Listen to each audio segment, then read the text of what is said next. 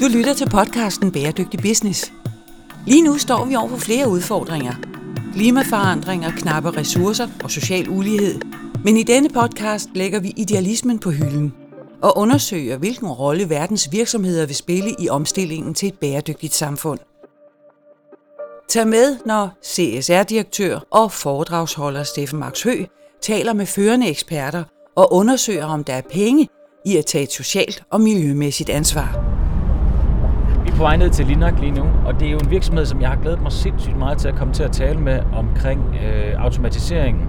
Grunden til, at Linak er særlig interessant, øh, i, og grund til, at vi vil lave en podcast omkring dem, det er, at de har automatiseret en kæmpe del af deres forretning. Så hele produktionen er, er super high-tech og automatiseret med, med robotter. Og det fede det er, at det har netop ikke gjort, at de har skåret ned på medarbejdere. Tværtimod, de har fået mere gang i forretningen og skabt flere arbejdspladser. Og det er klart, at hvis alle virksomheder kan gøre det, jamen så får vi nogle ekstremt billige produkter, fordi de må spare nogle penge et eller andet sted. De kan i hvert fald tjene flere penge.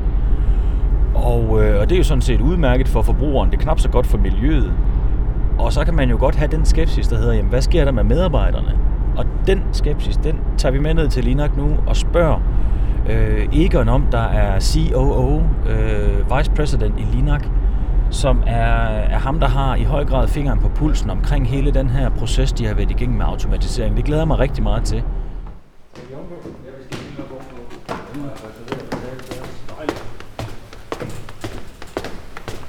Egon, vil du ikke starte med at lige præsentere dig selv, navn, titel og så øh, din, din karriere igennem de sidste 16 år her ved Linak?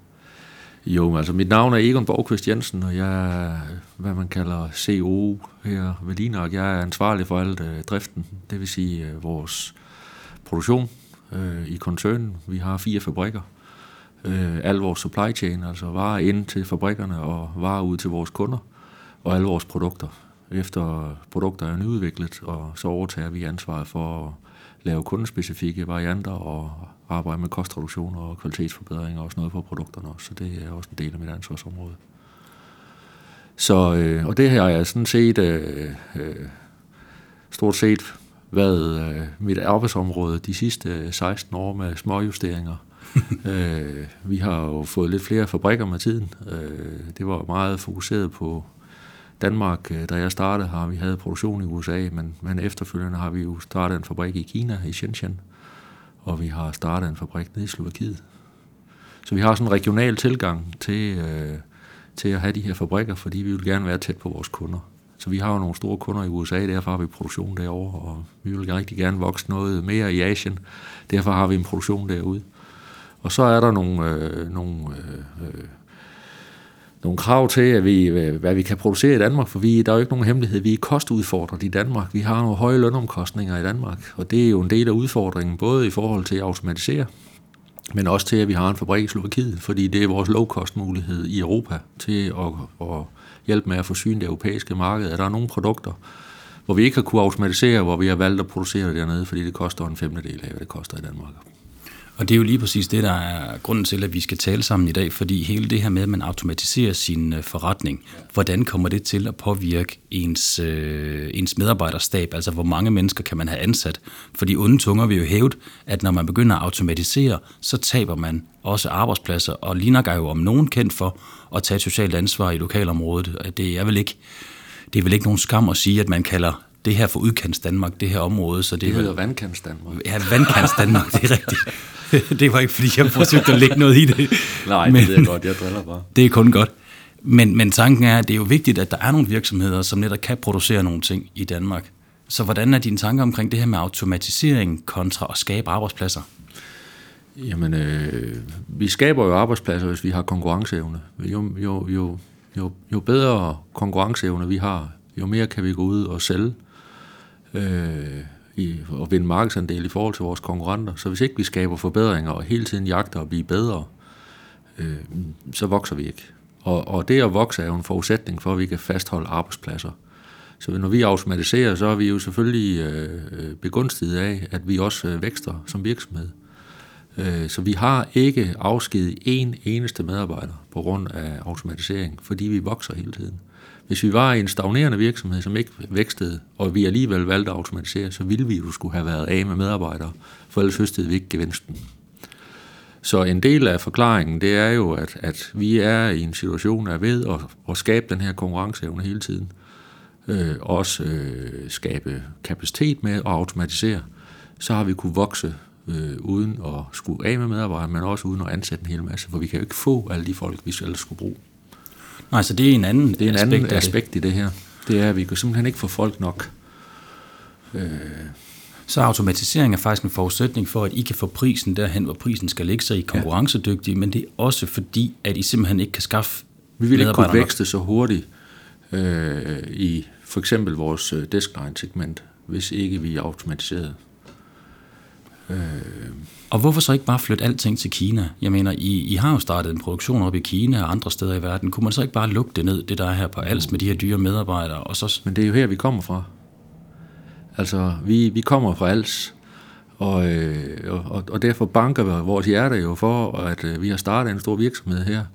Der er en masse mennesker, som er, baserer deres liv på, at vi har en virksomhed her. Så vi er jo patrioter i forhold til, at vi skal udvikle os her, i, i hvor vi er. Øh, vi skal ikke bare flytte alt ud til verdensfabrik ud i Kina. Øh, så, så det er der i høj grad det, der driver os. Vi vil have en stærk produktion i Danmark. Det er faktisk øh, øh, direkte formuleret i vores strategi, og det er noget, der ligger vores ejere meget på sinde. Det er, at vi er, vi er fra alt, og vi vil have en stærk produktion i Danmark. Og det er der så også andre forklaringer til, fordi hvis vi skal være gode til at udvikle produkter, og have kompetencer til at kunne udvikle noget, der er nogle fede produkter, men vi også er i stand til at producere, så er vi jo nødt til at have en vis form for volumen i kompetencer her, for at være gode til det. Og det kan vi jo kun have, hvis vi også producerer store volumen her. Så tingene hænger sammen. Det er klart. Øh, at vi vil have en stor produktion i Danmark. Vi vil bevise, at det kan lade sig gøre at producere i Danmark. Så kan I få et billede af, at, at det er reelt set. Du tager alle de aktuatorer, vi producerer, og lægger dem op i enden af hinanden, fordi det er cirka, hvor lang den er. Ja, Altså, vi producerer cirka 70 km aktuatorer om ugen. men det her det er jo helt fantastisk. Så ser man alle de her medarbejdere, der sidder og arbejder herinde, der skal nok være flere hundrede. Og så er der store glasfacader, hvor man kan se øh, produktion og lager ude. Det, Ja. det, det er meget unikt. Det er en rund bygning, det her. Var, der er 100 meter i diameter, øh, uden der reelt set skulle være væg. Vi har måttet sætte glas op på grund af noget støj og træk. Men, men reelt set i starten var det helt åbent. Men der er fuldstændig stille herinde. Altså i forhold til så stort et lokale med produktion og mange mennesker. Det er meget imponerende. Nu kan I mærke støjforskellen en lille smule. Ja, så sker der lidt. Men tag betragtning af, at det, Vi har jo sat alle robotterne ind i de her huse, og det er også af støjhensyn, for vi kunne ikke være her for støj, hvis ikke vi... Nej, det er klart. Det tager selvfølgelig også noget støj. Hvad er dine tanker omkring øh, automatisering generelt? Tror du, der er noget øh, omkring snakken om, at, at automatisering og robotter og hele den teknologibølge, som kan effektivisere produktionen, at den kan komme til at, øh, at dræbe arbejdspladser i Danmark? Eller tror du, at den er pro øh, dansk økonomi? Jamen, jeg tror helt klart, at den er pro-dansk økonomi, og jeg tror også helt klart, at den vil, øh, den vil fjerne nogle arbejdspladser, men den vil også generere en masse nye.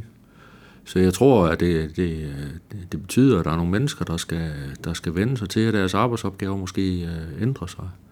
Men der er ingen tvivl om, at ufaglært arbejdskraft, det er, jo, det, er jo, det er jo de arbejdspladser, man kan sige, okay, kan man ikke sætte en robot til det?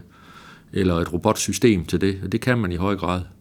Så, øh, men hvis vi så kan, øh, kan gøre det smartere og vokse, øh, så kan vi jo skabe noget mere omsætning i Danmark med de samme mennesker, vi har.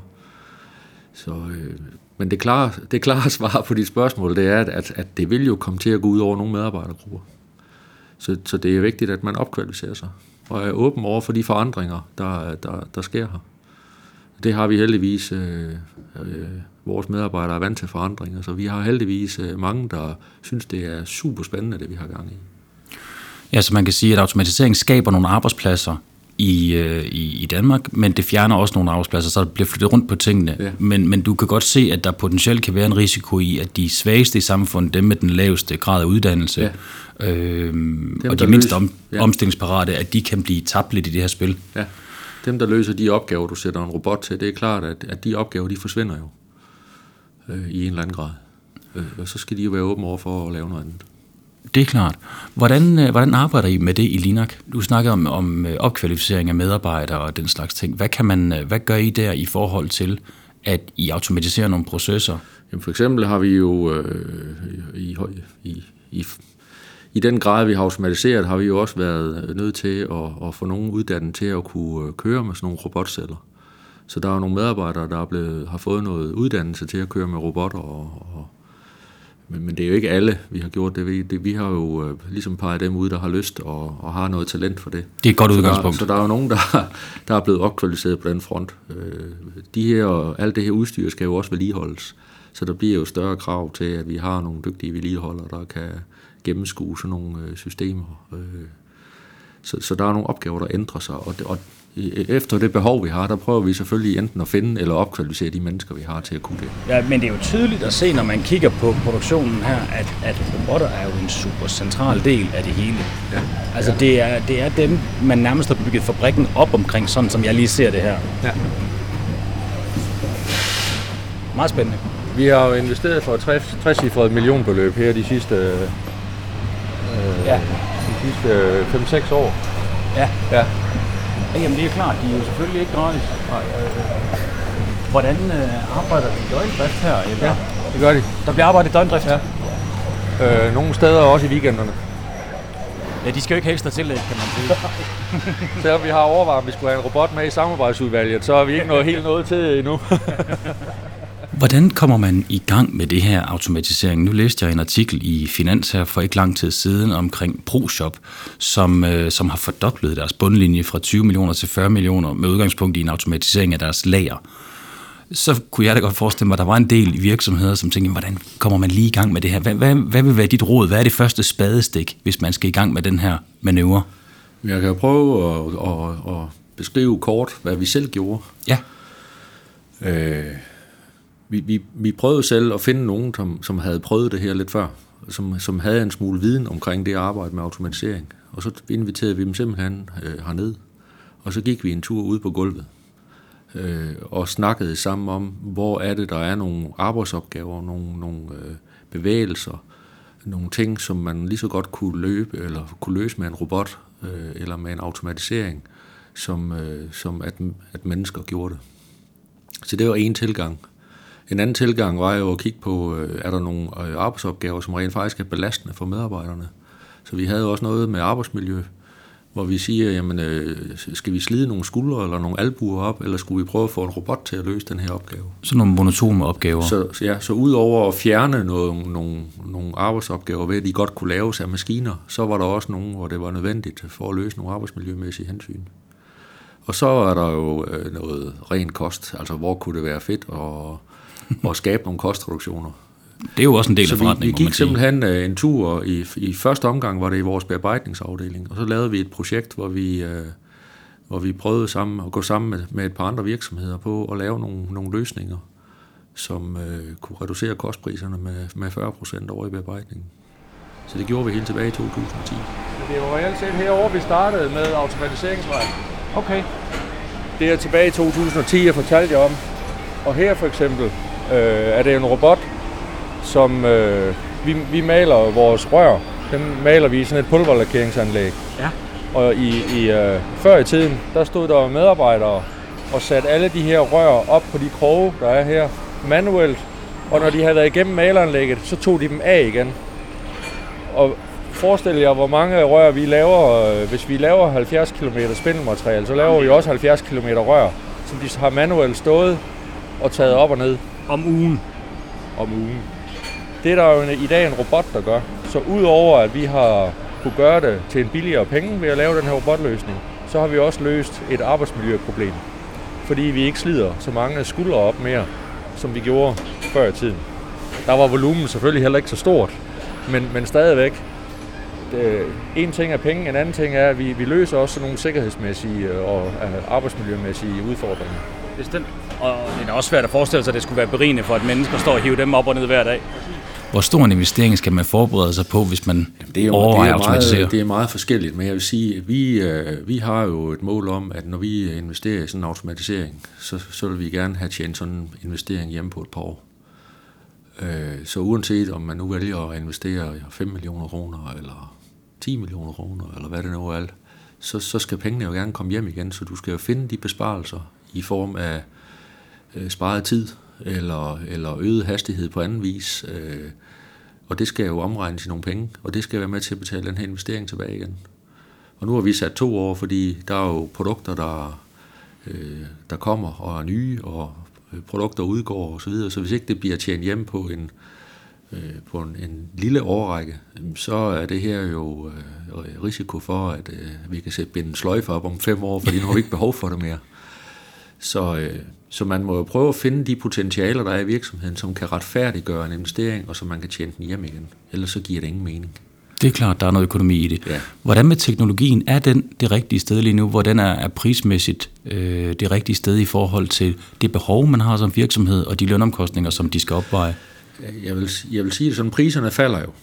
Øh, men men øh, vi jagter stadigvæk at finde nogle løsninger, øh, som er billigere. Fordi vi vil gerne, øh, vi har et kæmpe behov for at være fleksible som virksomhed. Vi leverer til rigtig mange forskellige kunder og rigtig mange forskellige produktvarianter. Så fleksibilitet er ret afgørende for os, og det hvor vi startede, det er selvfølgelig der, hvor vi har nogle høje styktal. Men vi kunne godt tænke os at prøve at få en business case til at blive god, også når der er knap så mange styktal. Og det kræver, at vi finder nogle innovative løsninger på nogle ting. Så det vi jagter, det er at finde billigere og mere fleksible løsninger hele tiden, så vi kan automatisere mere. Så det er svært at sige, at om de er nu er så billige, som de skal være. Det tror jeg bliver ved, ligesom med alt andet. Alting bliver bedre og billigere hele tiden. Det er et spørgsmål om for os at være ude og have næsen fremme og have øjnene åbne i forhold til at jagte de her løsninger, som er lidt smartere end det øh, alle andre gør. Ja, så innovation, hører jeg dig sige, er jo en kæmpe del af det her. Kæmpe del, ja. For det er klart, at hvis man begynder at investere for mange penge ind i en maskine, som kun har en levetid på relativt kort tid, fordi der ligger noget ny teknologi og venter, ja. så har man potentielt tabt de penge. Ja. Er der noget andet teknologi, I kigger, kigger ind i lige nu? Der er jo super meget hype omkring teknologi, alt fra blockchain til, til øh, kunstig intelligens. Jamen, den slags ting øh, med, med data i det hele taget, og kunstig intelligens, øh, kan man sige, øh, det, det kigger vi da også ind i. Vi har to øh, ambitionsniveauer. Vi har faktisk tre, øh, men, men på automatisk, vi kalder det digital produktion. Øh, og digital produktion, der er det at arbejde med at få mere fleksible automatiseringsløsninger. Det er et spor, vi arbejder med, og der har vi nogle forskellige fokusområder, vi har for at finde den fleksibilitet. Og det kunne for eksempel være øh, kollaborative robotter. Hvordan kan vi putte en robot ind i en celle, hvor der også står mennesker og arbejder, for eksempel? Og det skal lige kollaborative robotter. Det er simpelthen, så har man en robot, der arbejder sammen med mennesker. Ja. Så, øh, og der er nogle sikkerhedsudfordringer i, det, i det selvfølgelig, øh, hvor, som vi skal have styr på. Men, men hvis vi kan det, så kan du automatisere enkeltprocesser. Så kan man sige, at øh, her er der noget værdiskabende, så hvor der skal være nogle mennesker til at samle det her rigtigt. Men efterfølgende skal der skrues seks skruer i. Men det kan en robot lige så godt gøre, som en person kan gøre. Så det at prøve at finde nogle løsninger til det, er, er noget, der er fokus på inden for at skabe mere fleksible automatiseringsløsninger. Det er jo meget, hvis man kigger på de robotter, så er det jo sådan en, en, en stor arm på en ja. eller anden måde, ikke? og der står Kawasaki på. Og det virker til at være meget det samme design, de er bygget op omkring alle sammen. Det er det også. Er det, sådan, er det et, en virksomhed, I samarbejder med, som kender jer lidt til jeres behov, og så siger I, vi har det her behov, den skal kunne det og det og det, ja, og så udvikler de den? Vi har flere virksomheder, vi arbejder med, men de store celler her i, i det her område her, det er den samme virksomhed, øh, der har Bila, en dansk virksomhed, som har designet, hjulpet os med at designe øh, de her robotceller. Det er deres, øh, det er ligesom deres kernekompetence. Okay. De hjælper altså virksomheder med at designe robotter ja. til deres produktion. Robotløsninger. Robotløsninger. Kawasaki-robotten køber de bare til, men det at lave programmeringen, og det at lave øh, gribekoncepterne og, og, og bygge systemet op, det er det, de laver. Selvfølgelig. Jeg tænker Kawasaki-robotten er bare en standardrobot, du køber. Ja, men jeg tænker jo alt for analog. Jeg tænker jo, at det er robotten, der kan det hele. Men det er jo Nej. klart, det er jo maskinen med computeren, der ligger bagved. Robotten kan ingenting. Øh, og robotten er ikke det dyre i, i, i det her. Det dyre i det her, det er at udtænke, hvordan kan den her øh, proces, hvordan kan den automatiseres, og det, og det at få programmeret det, så det virker, og få det lavet så stabilt, så det ikke taber stumperne, eller sætter det forkert sammen, eller, eller er alt for afhængig af små tolerancer osv.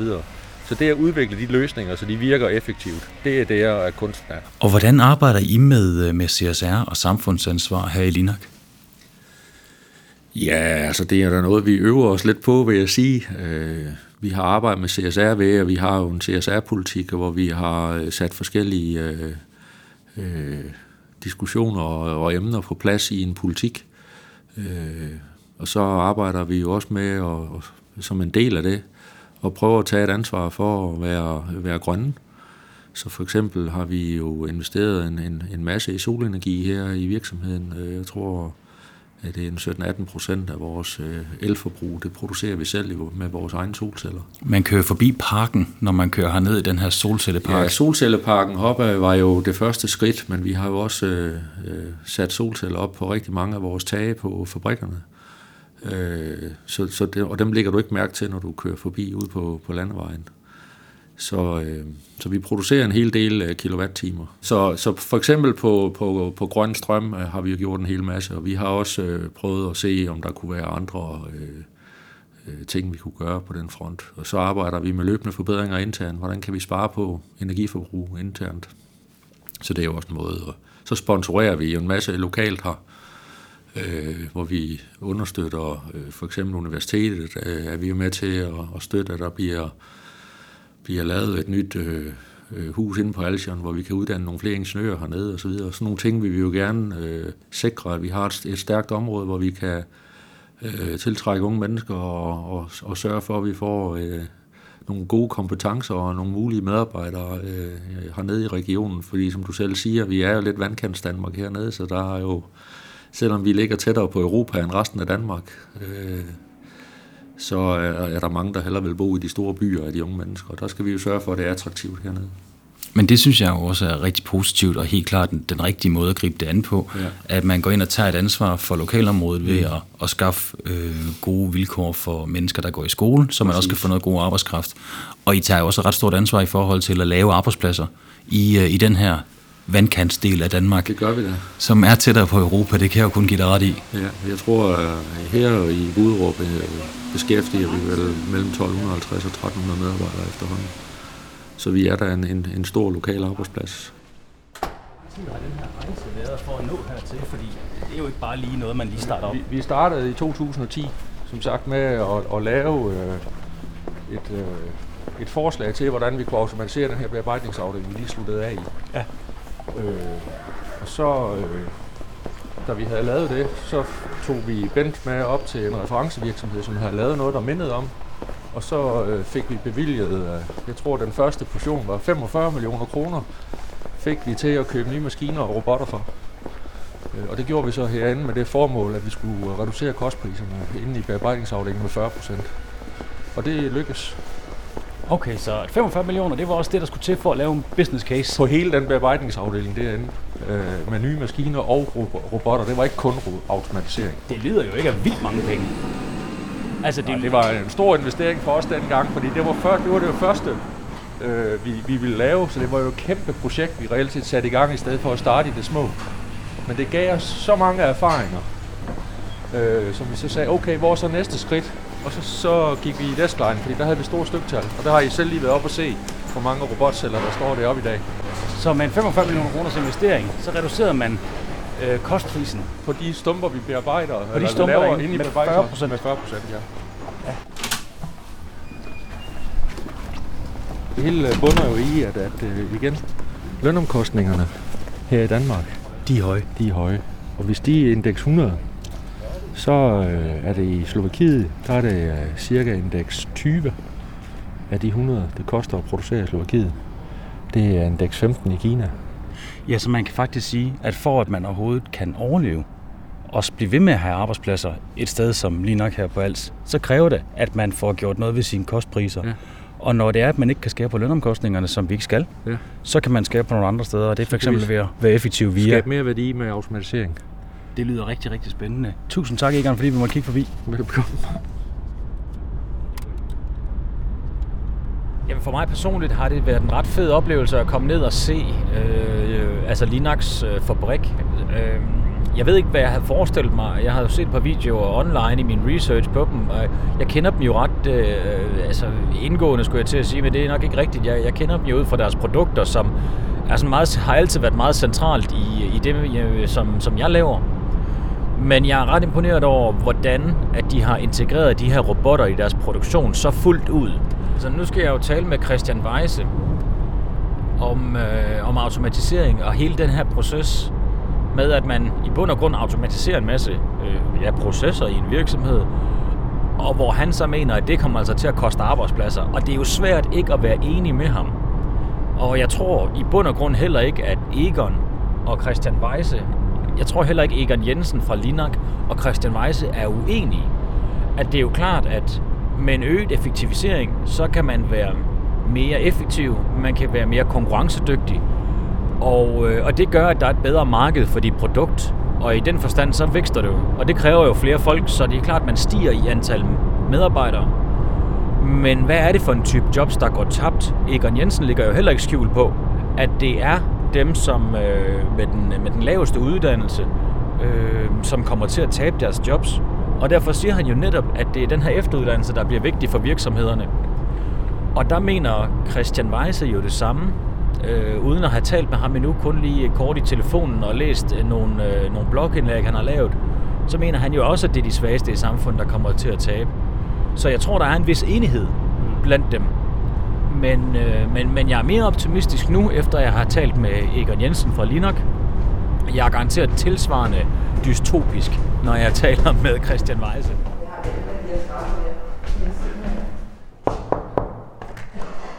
Goddag. Hej, dag Christian. Beklager, kom for sent. Jamen, det er okay.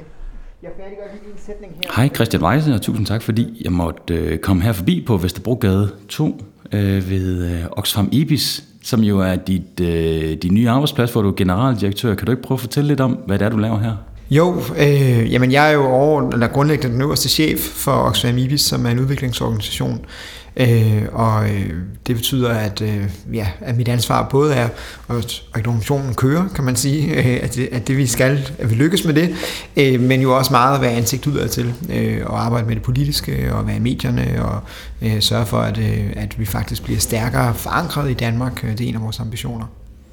Og hvad er det helt konkret, Oxfam IBIS gør? Jamen, Oxfam IBIS er en udviklingsorganisation, øh, og det betyder, at vi arbejder med udvikling i, øh, i det, man kalder den tredje verden, i, i verdens udviklingslande. Øh, og, øh, og det har organisationen gjort i 50 år, øh, lavet forskellige projekter, øh, ud, særligt på uddannelsesområdet. Øh, men noget af det, der kendetegner også, er, at vi har sådan en politisk tilgang til tingene, så øh, vi går ikke bare ned og bygger en skole øh, og hyrer nogle skolelærer. Vi går i højere grad ind og forsøger at arbejde med øh, civilsamfundet omkring, jamen, hvordan skal uddannelse egentlig se ud? Hvad skal der til, hvis et land skal klare sig bedre? Øh, skal man gøre op med nogle af de sådan, autoriteter, som der er? Skal øh, eleverne lære, i højere grad lære at øh, selv tage ansvar og stille spørgsmål ved øh, ja, det, de får at vide osv. osv. Det er super spændende. Det kunne man jo sagtens lave en episode Bæredygtig Business om i sig selv, men grund til, at vi taler med dig i dag er også, fordi du har i kraft af dit tidligere job, hvor du har siddet som syv år som direktør for tænketanken CVA, som er en socialdemokratisk tænketank. Centrum Venstre Tænketank. En Centrum Venstre Tænketank. Ja. og, og der har du beskæftiget dig rigtig meget med arbejdsmarkedet. Og jeg ved, at du har en bog, der, der rammer gaden på et eller andet tidspunkt. Kan du prøve at fortælle lidt, hvad den handler om? Ja, øh, jeg, jeg er i gang med at skrive en bog, som grundlæggende handler om, om spørgsmål om tryghed, øh, og hvad tryghed betyder for vores samfund og vores økonomi. Øh, og øh, der er ligesom to motivationer for at skrive den. Øh, den ene er, at at jeg tror, at vi har misforstået det. Øh, vi har haft sådan et økonomisk paradigme, øh, særligt domineret af Finansministeriet de sidste 10, 15, 20 år, hvor at man har troet, at hvis man øgede folks utryghed og usikkerhed, jamen så fik man dem til at præstere bedre. Altså hvis man gjorde det øh, farligere, eller kom til at koste mere at være arbejdsløs, jamen så gjorde folk en øget indsats for at komme i job. Og det er i mine øjne bare en grundlæggende misforståelse af, hvordan folks psykologi fungerer. Øh, vi, øh, vi præsterer bedre, når vi er trygge. Øh, det kan man se på ja, sådan psykologisk forskning og så videre. Der er i hvert fald meget forskning, der bakker over, at det skulle være, være den rigtige måde at sørge for, at folk de er trygge, når de arbejder. Præcis. Og, og rent sådan kognitivt, altså hvis man går og bekymrer sig om en masse ting, så, så svarer det faktisk til at have en lavere IQ, end hvis man ikke går og bekymrer sig om de her ting. Så det er helt åbenlyst, at man kan ikke bare øge folks usikkerhed, og så ligesom, om, ligesom sådan en ligesom ordsproget, at sulten ulv jager bedst, øh, så får man dem også til at, at præstere mere. Så det har været en af motivationerne, og det der så har gjort, at jeg gerne ville skrive om lige netop det, er, at når jeg ser på fremtidens arbejdsmarked, særligt i lyset af den teknologiske udvikling, jamen så kan jeg se, at rigtig mange mennesker formentlig kommer til at opleve et arbejdsmarked, som er mere usikkert. Og det vil sige, at det de, kommer, det, de egentlig har brug for, er nogle politiske svar, som giver dem et stærkere sikkerhedsnet, som giver en vis form for tryghed i forhold til, at de kan få et job i fremtiden. Og hvis du så har et politisk system, der gør det modsatte, jamen så er det altså en, en cocktail, øh, som, øh, som i mine øjne kan være, være rigtig øh, uheldig for vores samfund. Hvad er efter din mening farmomentet ved den fjerde industrielle revolution og så arbejdsmarkedet? Jamen, den risiko, vi står med, er, at øh, de teknologiske forandringer, som har et potentiale til at forbedre vores arbejdsmarked, det er, at de ikke bliver, bliver ud, eller forløst for alle, men at det kun er en, en lille del af arbejdsmarkedet, som faktisk kommer til at få bedre vilkår. Øh, Øh, og det skyldes, at, at det, som øh, der ligger i den fjerde industrielle revolution og i digitaliseringen, er jo blandt andet, at man kan automatisere en masse arbejde. Det vil sige, at man kan gå ind og erstatte arbejde, der i dag bliver udført af mennesker, med robotter, med kunstig intelligens, med computere. Øh, og så samtidig, at man kan organisere arbejdet på en anden måde. Man kan gøre det meget mere decentralt. Og der er en risiko for, at der er nogle mennesker, som kommer til at miste deres job, og som enten kommer til at gå arbejdsløse, eller kommer til at få nogle dårligere jobs i stedet for. Og samtidig er der en risiko for, at, at, øh, at teknologien vil, vil organisere vores arbejdspladser på en anden måde, øh, som øger kan man sige, magten hos dem, der ejer arbejdspladserne, øh, og reducerer den hos de almindelige lønmodtagere. Øh, og historisk set ved vi, at det betyder, at så får lønmodtagerne mindre i løn og dårlige arbejdsvilkår osv. Så der er en risiko for, at på samme måde som ved den første industrielle revolution, øh, da vi gik fra landbrugssamfund til industrisamfund, at der vil være en overgangsperiode, hvor at øh, der er nogle mennesker, som øh, får meget mere mellem hænderne, så at sige, og får flere eller mere spændende arbejdsliv, men at der også er en stor del af befolkningen, som, som faktisk taber på den her omstilling. Men man kan sige, vi har jo, øh, altså hvad er det nye element i det her? For vi har haft maskiner i rigtig lang tid, altså en, en, øh, en støvsuger til at, at ordne nogle ting, så vi ikke længere behøver at. Vi har opvaskemaskinen. Vi har jo mange altså sådan helt lavpraktiske maskiner, der hjælper os. Hvad er forskellen med de her, med robotter og, og den teknologi, vi ellers ser lige nu? Hvorfor er det potentielt mere farligt lige nu? Øhm, jamen det er nemlig, og det er vigtigt at understrege, at, at teknologisk udvikling er jo grundlæggende det, der gør os mere velstående og giver os bedre og mere interessante liv. Så det, det er vigtigt virkelig at huske det at sige, at man skal, man skal kun være tilhænger af den teknologiske udvikling, øh, og der kommer ny teknologi. Øh, men der, hvor udfordringen opstår, er, at, at man kan sige, den måde, vi har brugt maskiner hidtil, har været ved at erstatte vores muskelkraft med maskinerne. Øh, det er det, der sker i landbruget. Øh, det er det, der sker, når du taler om en støvsuger eller en opvaskemaskine for eksempel. Øh, men nu er vi et sted, hvor det faktisk også er vores hjernekraft, som kan erstattes af maskinerne.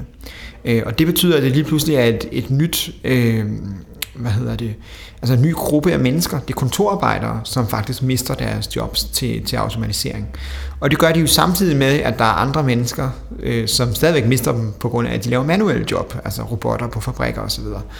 Øh, men fordi robotterne også bliver mere avancerede, så går de også ind og, og kan afløse eller løse nogle, løse nogle opgaver, som, som det tidligere var specialiseret arbejdskraft, der, der kunne. Når man kigger på mange af de store virksomheder herhjemme, for eksempel Linak har vi været nede og tale med, de formår jo på trods af, at de har en ret stor grad af automatisering i deres lager, i deres produktion, så formår de egentlig at vækste i antal af medarbejdere, og de har jo om nogen et stort socialt ansvar. De, de ligger jo i, i vandkants Danmark, som, som det lidt mere positivt formuleres, mm.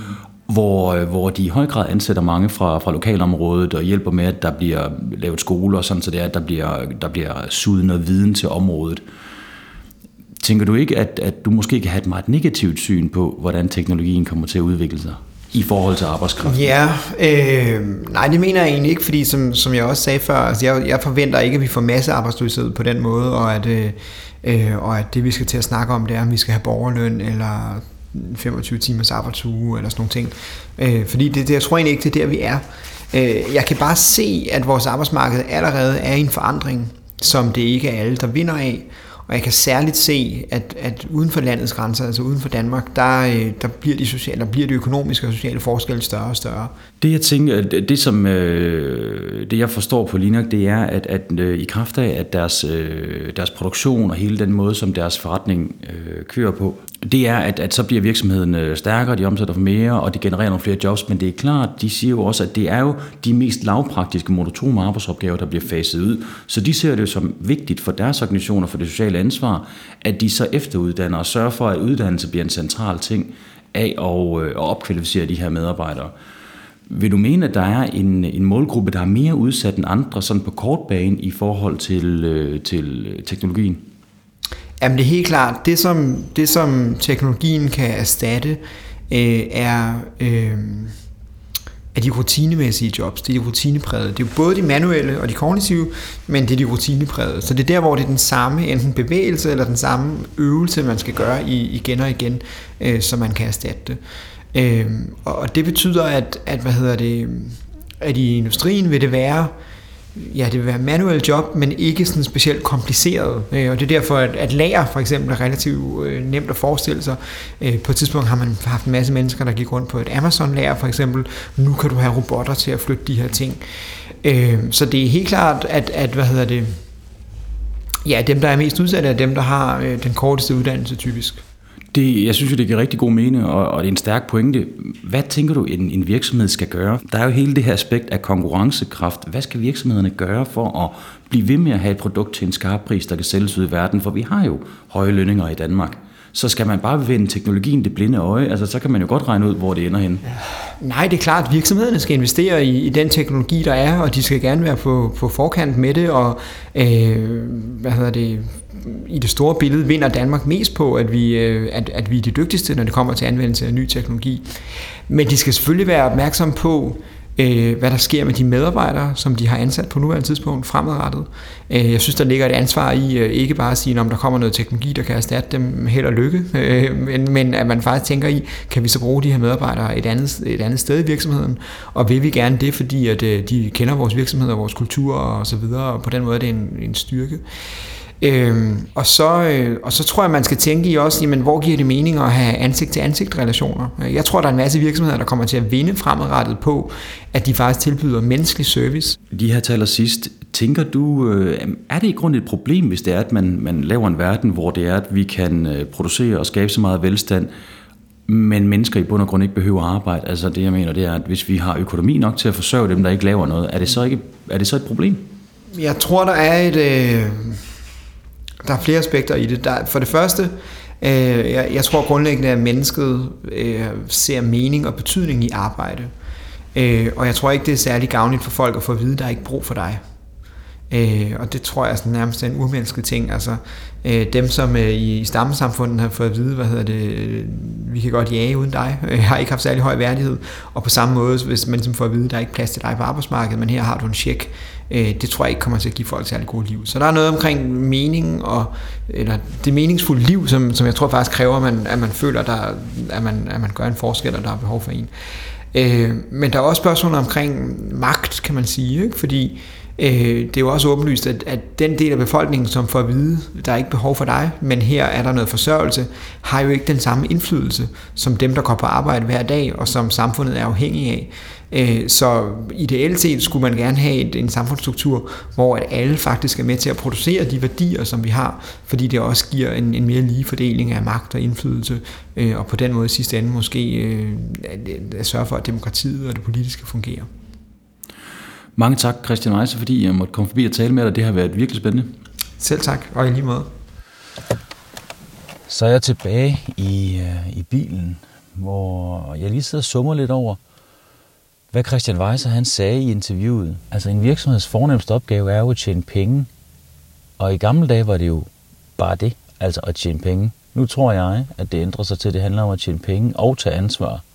Og der er selvfølgelig nogen, der tager mere ansvar end andre, og nogen, der tjener flere penge end andre og der er nogen, der er fuldstændig ligeglade med den ene af de to ting. Men hvad skal de virksomheder gøre, som har mulighed for at få den her teknologi, selvom den måske ender med at udfase utrolig mange menneskers arbejde, og dermed komme til at skabe mere tryghed, som vi ifølge Christian, Christian Weise og forskning siger er katastrofal. Men hvad skal virksomheden gøre? hvis de har, en virksomhed har jo altid haft den fornemmeste opgave, det er at korte sine omkostninger så langt ned som overhovedet muligt. Og så på den måde få et billigere produkt. For hvis vi ikke gør det, jamen så er der jo en eller anden i Etiopien, eller i Kina, eller i Bangladesh, som gør det. Og så mister vi alle arbejdspladserne i Danmark. Så virksomhederne har i og for sig også en forbandet pligt til at være gode og effektive. så er der noget omkring den her fordelingsnøgle. Så hvis man, hvis man ikke får fordelt de her ting ordentligt, og der kan vi jo virkelig kigge og sige, jamen altså, hvad gør vi for at få fordelt de her goder ordentligt, når virksomhederne de tjener mere og mere herhjemme? Og øh, meget bekendt, hvis man følger lidt med i pressen, så tror jeg ikke, at øh, fordelingen er gået så godt i Danmark. Øh, lønomkostningerne i eller lønprocenten er ikke stigende, hvorimod direktørlønningerne er. Men det er der også kommet meget fokus på, så det er jo måske nu, vi begynder at se en bølge i retningen af, at, at øh, de her høje lønninger, de, øh, de skal til at... De får det sværere. Det må tiden jo vise.